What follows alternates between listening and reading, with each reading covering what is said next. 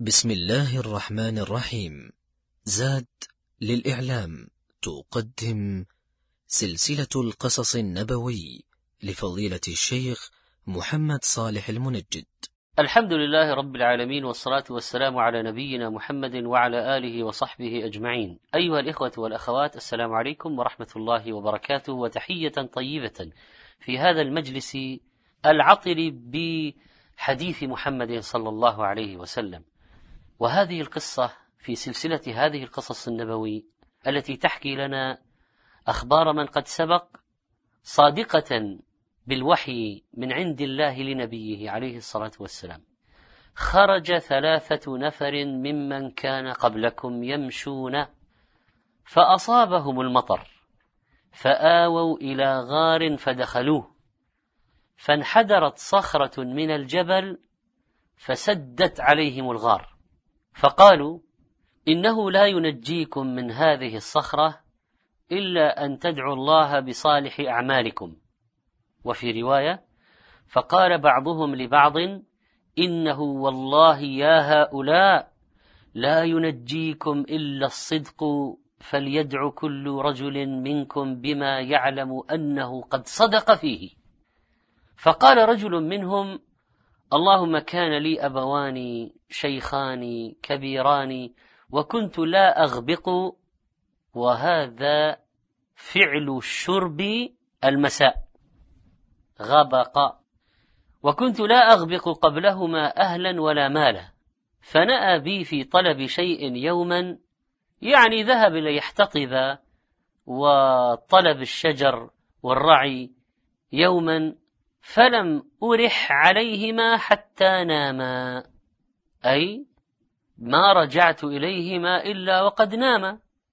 والرواح هو العودة المسائية كما أن الغدو هو الذهاب الصباحي. غدا في الصباح راح رجع في المساء. فلم أرح عليهما حتى ناما.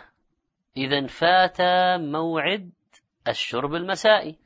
فحلبت لهما غبوقهما فوجدتهما نائمين وكرهت أن أغبق قبلهما أهلا أو مالا ويدخل في المال طبعا العبيد ونحوهم مما يملكه الإنسان. فكره أن يعطي الزوج والأولاد أو غيرهما فلبثت والقدح على يدي أنتظر استيقاظهما حتى برق الفجر وفي رواية فكرهت أن أوقظهما والصبية يتضاغون أي يصيحون من الجوع عند رجلي فلم يزل ذلك دأبي ودأبهما. أنا منتظر صابر وهما في النوم حتى طلع الفجر فاستيقظا فشربا غبوقهما. اللهم إن كنت فعلت ذلك ابتغاء وجهك ففرج عنا ما نحن فيه من هذه الصخرة. فانفرجت شيئا لا يستطيعون الخروج. وقال الآخر اللهم كانت لي بنت عم كانت أحب الناس إلي. التعلق شديد. فأردتها عن نفسها فامتنعت مني. فيها خوف من الله رفضت الفاحشة. حتى ألمت بها سنة من السنين. يعني حاجة وشدة وقحط. فجاءتني فأعطيتها عشرين ومائة دينار على أن تخلي بيني وبين نفسها. ففعلت. عشرين ومائة دينار. تعلمون كم هذا بالذهب؟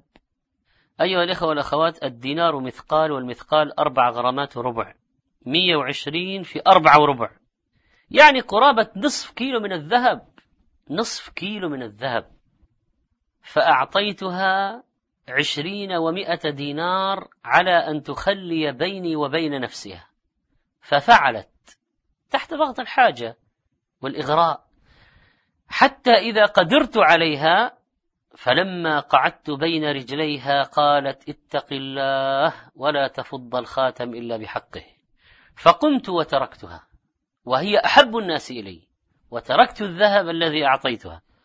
اللهم إن كنت فعلت ذلك ابتغاء وجهك فافرج عنا ما نحن فيه. فانفرجت الصخرة عنهم حتى نظروا إلى السماء غير أنهم لا يستطيعون الخروج منها. وقال الثالث اللهم إني استأجرت أجراء فأعطيتهم أجرهم. غير رجل واحد ترك الذي له وذهب فثمرت أجره. حتى كثرت منه الأموال. فجاءني بعد حين فقال يا عبد الله أدي إلي أجري.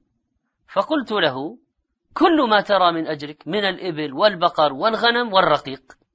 فقال يا عبد الله لا تستهزئ بي. فقلت إني لا أستهزئ بك. فأخذه كله فاستاقه فلم يترك منه شيئا. اللهم فإن كنت فعلت ذلك ابتغاء وجهك فافرج عنا ما نحن فيه فانفرجت الصخرة فخرجوا يمشون رواه البخاري ومسلم. والقصة هذه لها روايات متعددة وفيها فوائد كثيرة.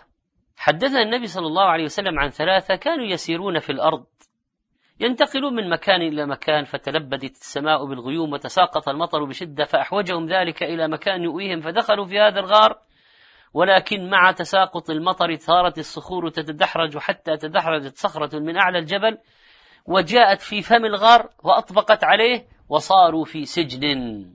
ما مصيرهم؟ الموت جوعا. من الذي يملك منهم دفع هذه الصخرة العظيمة؟ لا يستطيعون ولو اجتمعوا. هل عندهم جوال يتصلون به مستغيثين؟ لم يكن كذلك.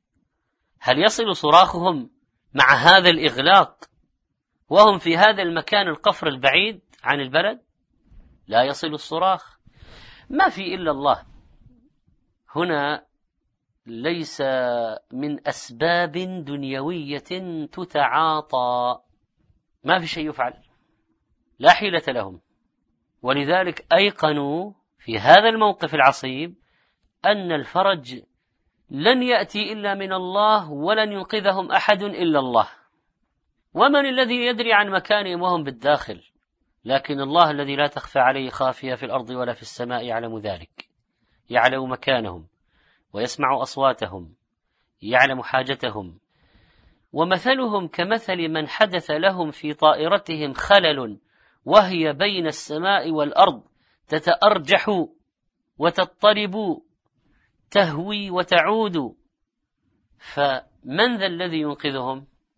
وكذلك من زلزل الله بهم الأرض وصار كثير منهم تحت الأنقاض. هذا مأسور. هنالك من العباد من يركب البحر فتضطرب به الأمواج ولا من معين ولا مغيث ولا أحد يسمع نداء استغاثة ولا يلتفت إلى شيء ولا يعلم بمكانهم. لو كانوا مشركين يجأرون إلى الله ويطلبون المدد منه سبحانه وتعالى هو الذي يسيركم في البر والبحر حتى إذا كنتم في الفلك وجرين بهم بريح طيبة وفرحوا بها. جاءتها ريح عاصف وجاءهم الموج من كل مكان وظنوا أنهم أحيط بهم أنهم هلكوا. دعوا الله مخلصين له الدين. لئن أنجيتنا من هذه لنكونن من الشاكرين. في بعض المواقف في قسم العناية المركزة مع إفلاس الأطباء ما يوجد أصلا إلا الدعاء لا ينفع إلا التوسل إلى الله. التوسل إلى الله بأسمائه الحسنى التوسل إلى الله بأعمال صالحة التوسل إلى الله بدعاء الصالحين. لقد عمدوا إلى التوسل بالأعمال الصالحة فذكر كل واحد منهم حاول أن يتذكر ما هو أرجى عمل فعله في حياته ينجيه عند الله. ما هو أخلص عمل وأصدق عمل. وكلما كان واحد منهم يدعو بعمل صالح صادق كانت الصخرة تنفرج في البداية جزئيا. ثم كانت في النهاية في الانفراج النهائي. واحد توسل إلى الله ببره لوالديه. توسل الله بعمل صالح. كيف لا؟ وهذا الرجل ابتعد في طلب المرعى. ولا شك أنه تعب في هذا المشوار ومع ذلك رجع وحلب وهو متعب. ووجد والديه قد ناما فكره أن يوقظهما وكره أن يسقي أولاده قبلهما فبقي ساهرا طيلة الليل على تعبه قائما وإناء اللبن في يده. والعامل النفسي والضغط النفسي غير البدني أن صبيانه يصيحون عند قدميه. وهو من بره بوالديه يكره أن يسقي أولاده قبل والديه حتى طلع الفجر وهو على هذه الحال. فلا يعلم أحد غير الله المشقة التي عاناها في تلك الليلة. الراعي يرجع متعبا من الرعي. أجهده المسير. ومع ذلك يقف هذه الوقفة لله صورة فريدة في بر الوالدين. الثاني كان عمله صبرا عن معصية. إذا كان الأول صبر على طاعة الثاني صبر عن معصية. فإنه كان يحب ابنة عمه وتعلقت نفسه بها يريدها وهي تأبى حتى احتاجت إليه. وجاءت خاضعة فاستغل حاجتها بالمال. وبعض الناس إذا جاءته المرأة المحتاجة استعمل الإغراء المالي ليدفعها إلى الحرام لتمكنه من نفسها. لكن هذه المرأة وإن قبلت في البداية لكنها لا زال فيها خير فبذلت محاولات اللحظة الأخيرة فقالت اتق الله ولا تفض الخاتم إلا بحقه. الآن تعلق هذا الرجل بالمرأة قديم ثم قد استسلمت له ثم قعد بين رجليها فما بقي شيء على ارتكاب الحرام وقد تعلقت النفس سابقا ولاحقا وهي الآن مستسلمة له. لكن انبعثت عبارة اتق الله. اتق الله كلمة كبيرة اتق الله تذكير عظيم اتق الله تفعل فعلها في نفوس من عنده إيمان. ولا تفض الخاتم إلا بحقه. فهذا الوطء وهذه البكارة لا يجوز أن تفض إلا بحقها وهو العقد الشرعي. فلا يجوز الإنسان أن يطأ إلا بعقد زواج شرعي أو ملك يمين. قام عنها مع تعلق نفسه بها وترك الذهب. وهنا العظمة. ترك الذهب. جاد به لله. تصدق به على بنت عمه ذات الرحم. وترك المعصية. ترك الذهب وترك المعصية ترك المرغوب وأيضا تنازل عما تتعلق به نفسه من المحبوب. الثالث في الحقيقة أيها الإخوة والأخوات كان أعظم الثلاثة. وقد يقول بعض الناس ولماذا؟ فنقول لأنه استأجر شخصا على فرق من أرز كما جاء في رواية. ولما أنجز العمل وقدم له الأجرة رفضها وذهب. يعني في أحسن الحالات عند بعض الناس أن يحفظ له الأجرة حتى يعود حتى إذا عاد يوم من الأيام أخذها. وبعضهم يقول هو الذي تركها خلاص. كيفه؟ هو تنازل عنها. هذا صاحبنا الثالث رحمه الله. أخذ فرق الأرز هذا وزرعه ونماه ثم صار يثمره. حتى صارت النتيجة بعد سنين طويلة واد من الإبل ومن البقر ومن الغنم وأيضا عبيد رقيق. فرق من الأرز حتى يصبح بهذه الكثرة والتنوع في الأموال واد. الفرق من الأرز حتى يصبح قطيعا كبيرا من الإبل ومن البقر ومن الغنم ومن الرقيق. كم يحتاج من المدة والمجهود؟ كم؟ سنوات طويلة جدا وتعب ويعمل في مال غيره. ماذا يرجو؟ يعني نصف النتاج مثلا؟ لا. هو مؤتمن على مال وجعل ينميه بدون مقابل ولما أخذه أخذه صاحبه وهو غير مصدق يقول يا عبد الله لا تستهزئ بي. ثم استاقه كله ما ترك شيئا ولا حتى علمنا أنه شكره على هذا. وصاحبنا كان مستغنيا عن فرق الأرز كان يمكن أن ينمي يعني في هذا الوقت والجهد ما له هو لكن أن يصرف الجهد والوقت والتعب والخبرة في تنمية مال غيره بلا شرط من الغير ولا طلب من الغير. ما معنى ذلك؟ يعني رعاية حقوق الآخرين عنده بلغت مداها أعلاها ولم يكتفي بحفظ الأمانة. حتى نماها لصاحبها طيلة هذه المدة.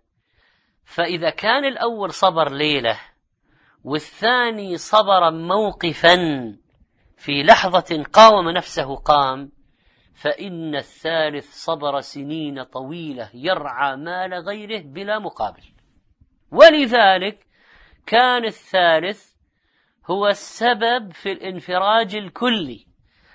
لكن أيها الأخوة والأخوات هذه نماذج راقية قدمها لنا هؤلاء الثلاثة. كم نحتاج إليها اليوم؟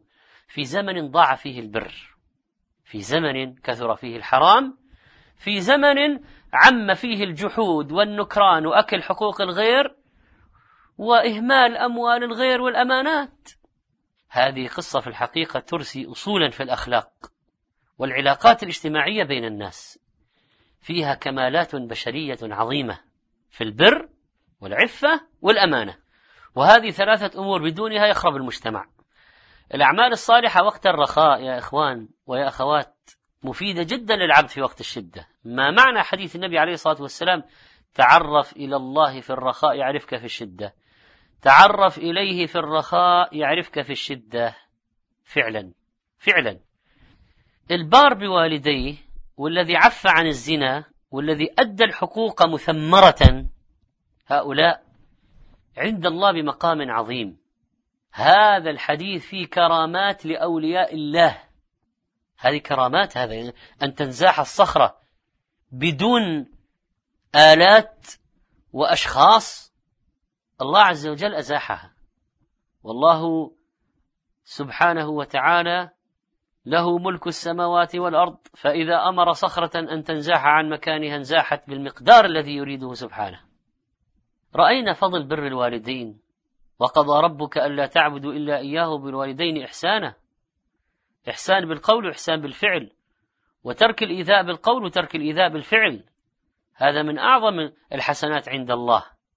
ابن عمر رضي الله عنه شهد رجلا يمانيا يطوف بالبيت يحمل أمه وراء ظهره ويقول إني لها بعيرها المذلل إن أذعرت ركابها لم أذعر. ثم قال يا ابن عمر أتراني جزيتها؟ قال لا ولا بزفرة واحدة. إسناده صحيح رواه البخاري في الأدب المفرد. دخل رجل مع أبيه السجن فاحتاج الأب للماء فمنعه السجان من الحطب فقام الولد إلى إناء فأدناه من المصباح. إناء الماء أدناه من المصباح. وظل واقفا طيلة الليل حتى الصبح لكي يكون هنالك أكبر سخونة ممكنة. إذا عف الإنسان عن الحرام وهذه قصة الرجل الثاني فإنه من السبعة الذين يظلهم الله في ظله يوم لا ظل إلا ظله. الله أمر وليستعفف الذين لا يجدون نكاحا. يكفون أنفسهم عن الحرام. ثلاثة لا ترى أعينهم النار. وعين كفت عن محارم الله. حديث حسن لغيره. وأيضا فإن من فوائد هذه القصة الاهتمام بإعطاء العاملين حقوقهم وإعطاء الأجراء أجورهم.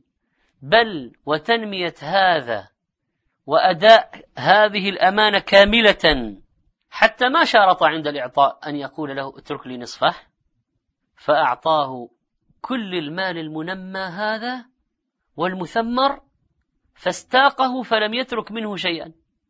أين هذا ممن يخادع العامل في بلده ويعده ويمنيه؟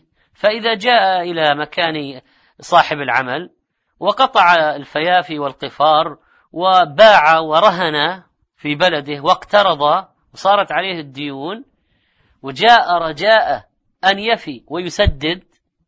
انقلب هذا عليه وغير العقد وقال ما قلت لك وما أعطيتك وما عندي وما كذا ترضى ولا خروج نهائي. الفوائد العظيمة في هذا الحديث أيها الإخوة منها مشروعية التوسل إلى الله بصالح الأعمال. قلنا التوسل المشروع بأسماء الله وصفاته مثل أن تقول يا رزاق ارزقني يا رحمن ارحمني يا تواب تب علي.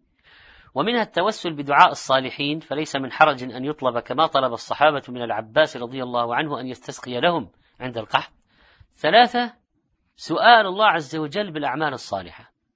اللهم إن كنت فعلت ذلك ابتغاء وجهك ففرج عنا ما نحن فيه. هذا في فضل الإخلاص أيضا وأنه ينجي من المحن والمهالك. من الذي يدري عن ذلك الرجل لما قام في تلك الليلة؟ ومن الذي يدري عن هذا الرجل لما قام من بين رجلي المرأة؟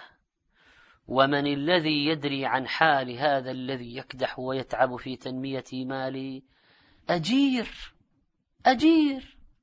هو الآن لا ينمي مال أمير وكبير هو ينمي مال أجير أو فقير. سبحان الله. ما أعظم إحسان هذا الرجل. لما صار وقت الاضطرار وجاء وقت الشدة كانت الأعمال الصالحة سببا في الفرج فلولا أنه كان من المسبحين للبث في بطنه إلى يوم يبعثون. يا من يجيب دعاء المضطر في الظلم يا كاشف الضر والبلوى مع السقم قد نام وفدك حول البيت وانتبهوا وأنت يا حي يا قيوم لم تنم.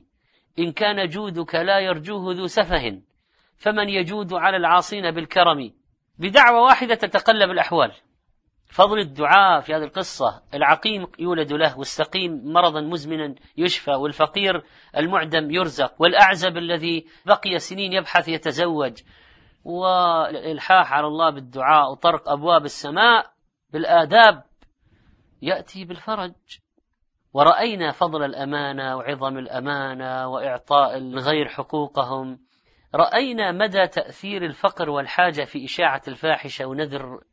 رأينا مدى تأثير الفقر والحاجة والفاقة في آه، انتشار الرذيلة وكيف ممكن المرأة أحيانا وهي عفيفة في الأصل يعني ترضى تحت الضغط بأن تنساق في أشياء من المحرمات. وهذا خطأ طبعا ولا عذر لها في ذلك. تجوع الحرة ولا تأكل بثدييها.